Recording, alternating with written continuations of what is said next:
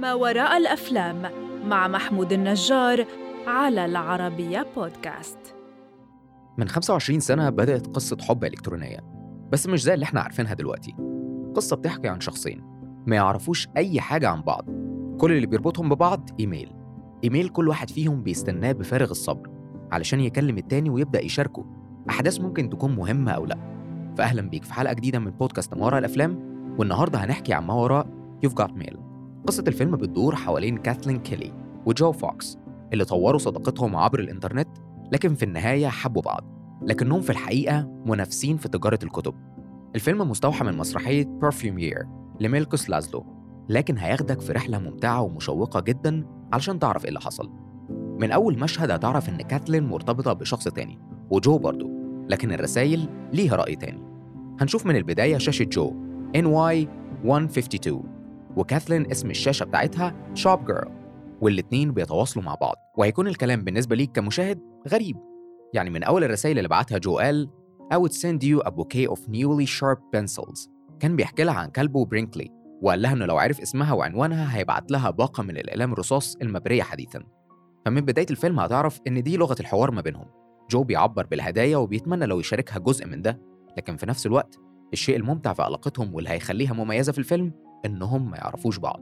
علاقة جو كاثلين في الإيميلات حاجة وعلى أرض الواقع حاجة تانية تماما. جو صاحب محلات فوكس واللي هي منطقة كاثلين وهيتسبب في خسارة كبيرة ليها لأن المكان هيجذب كل الناس وكاثلين بمكتبتها المتواضعة مش هتقدر تعمل حاجة. على أرض الواقع هما متنافسين.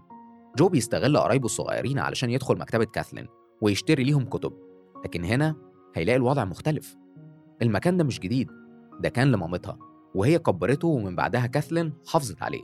مكان ليه تاريخ بالنسبة للمنطقة اللي هي فيه الناس عارفاه بيحبوه وليهم ذكريات فيه مش مجرد مكتبة بيشتروا منها كتب وخلاص.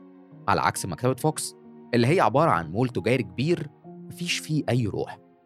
لما جو دخل المكتبة والأطفال بدأوا يتكلموا مع كاثلين وبتسألهم عن اسمهم بدأ الطفل الأصغر يقول حروف فوكس.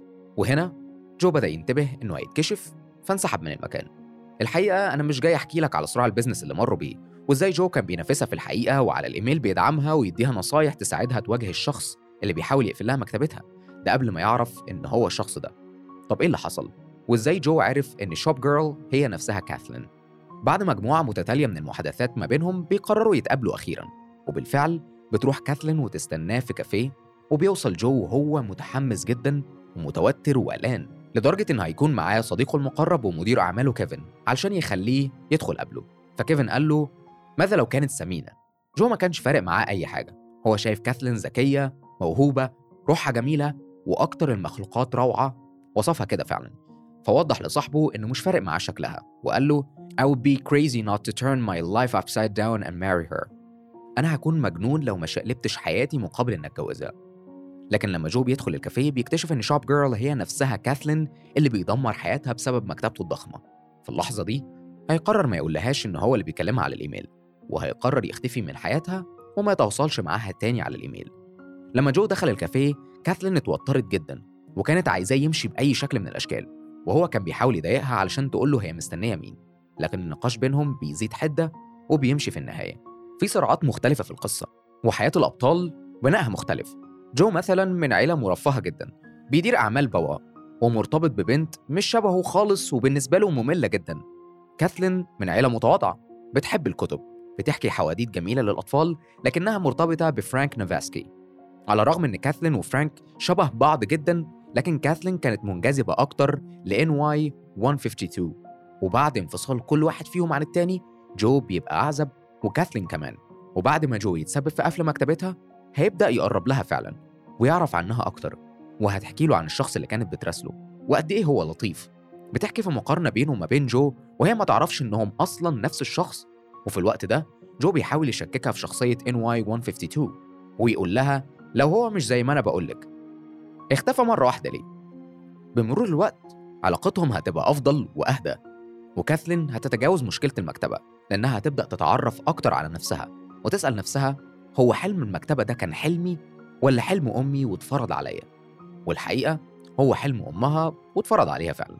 على قد ما قفل المكتبة كان شيء محزن جدا لكنه كان درس مهم لكاثلين علشان تدور على نفسها أكتر وكانت فرصة أكبر إنها تتعرف على جو اللي أظهر حسن نيته وكان بيشاركها تفاصيلها والحاجات اللي بتحبها. في الوقت اللي كاثلين بدأت تنجذب فيه لجو بيبعت لها ك NY 152 وبيعتذر عن اختفائه المفاجئ وبيوعدها إنه هيوضح كل حاجة لما يتقابلوا. في اللحظة دي هي هترتبك تماما لأنها هتكون ما بين خيارين بالنسبة لها صعبين جدا لكنها في النهاية بتقرر تروح تقابل NY 152 I want it to be you. I want it to be you so badly. الجملة الأشهر في الفيلم. أنا تمنيت إنه يكون أنت. كاثلين ما اتفاجئتش قوي. بالعكس بان عليها السعادة وهي بتعيط. وظهر قد إيه هي كان نفسها إن جو و NY 152 يكونوا نفس الشخص. فيلم You've Got Mail فيلم مثالي للأشخاص اللي مش بيحبوا الدوشة اللي بيستمتعوا بالبساطة وبيحبوا التفاصيل القديمة واللي بيبقى عندهم رغبة دايما يرجعوا لأيام زمان ويكتبوا جوابات. فشكرا للمخرجة المبدعة نورا إيفرن والبطلين توم هانكس وميج راين. في النهاية أنا يهمني جدا تشاركني رأيك في الحلقة دي. لأن في الوقت اللي كنا بنعد فيه في الحلقة دي قابلنا مقال عن قد إيه جو شخصية مؤذية وإنه بعد ما عرف إنها كاثلين اختفى تماما وده تصرف مؤذي لأنه ما وضحش أسباب لاختفائه. وكمان رجع لما قرر ده. ممكن أنت تتفق مع رأي زي ده وممكن نشاركك رأينا ونقول لك إنه كان خايف خاصة إنه كان السبب في قفل مكتبتها. في الوقت اللي خده علشان يقرب منها وساعدها في إنها تتعرف على نفسها أكتر كان وقت لمصلحتها. وإن العلاقات الشخصية والبزنس حاجتين مختلفتين تماما عن بعض. فعشان كده شاركنا في الحلقة دي. الفيلم من وجهة نظر بودكاست ما وراء الأفلام بس مهتم جدا تشوف الفيلم وتشاركني رأيك على ال social media العربية بودكاست وتقول لي هل فعلا جو شخصية مؤذية ولا لأ؟ وليه